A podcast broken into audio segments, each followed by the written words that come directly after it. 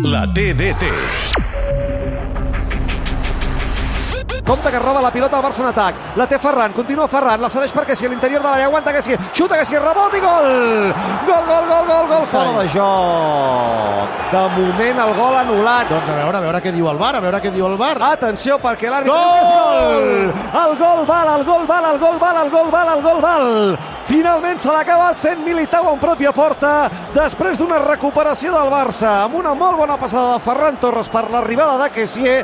No ho ha aconseguit Liburià, però el rebot ha favorit el Barça. Militao se l'ha acabat ficant a dins. Semblava que podia ser fora de joc. El gol val, el gol puja al marcador. El Barça s'avança al Bernabéu. El gol se l'ha fet Militao en pròpia porta. Madrid 0, Barça 1.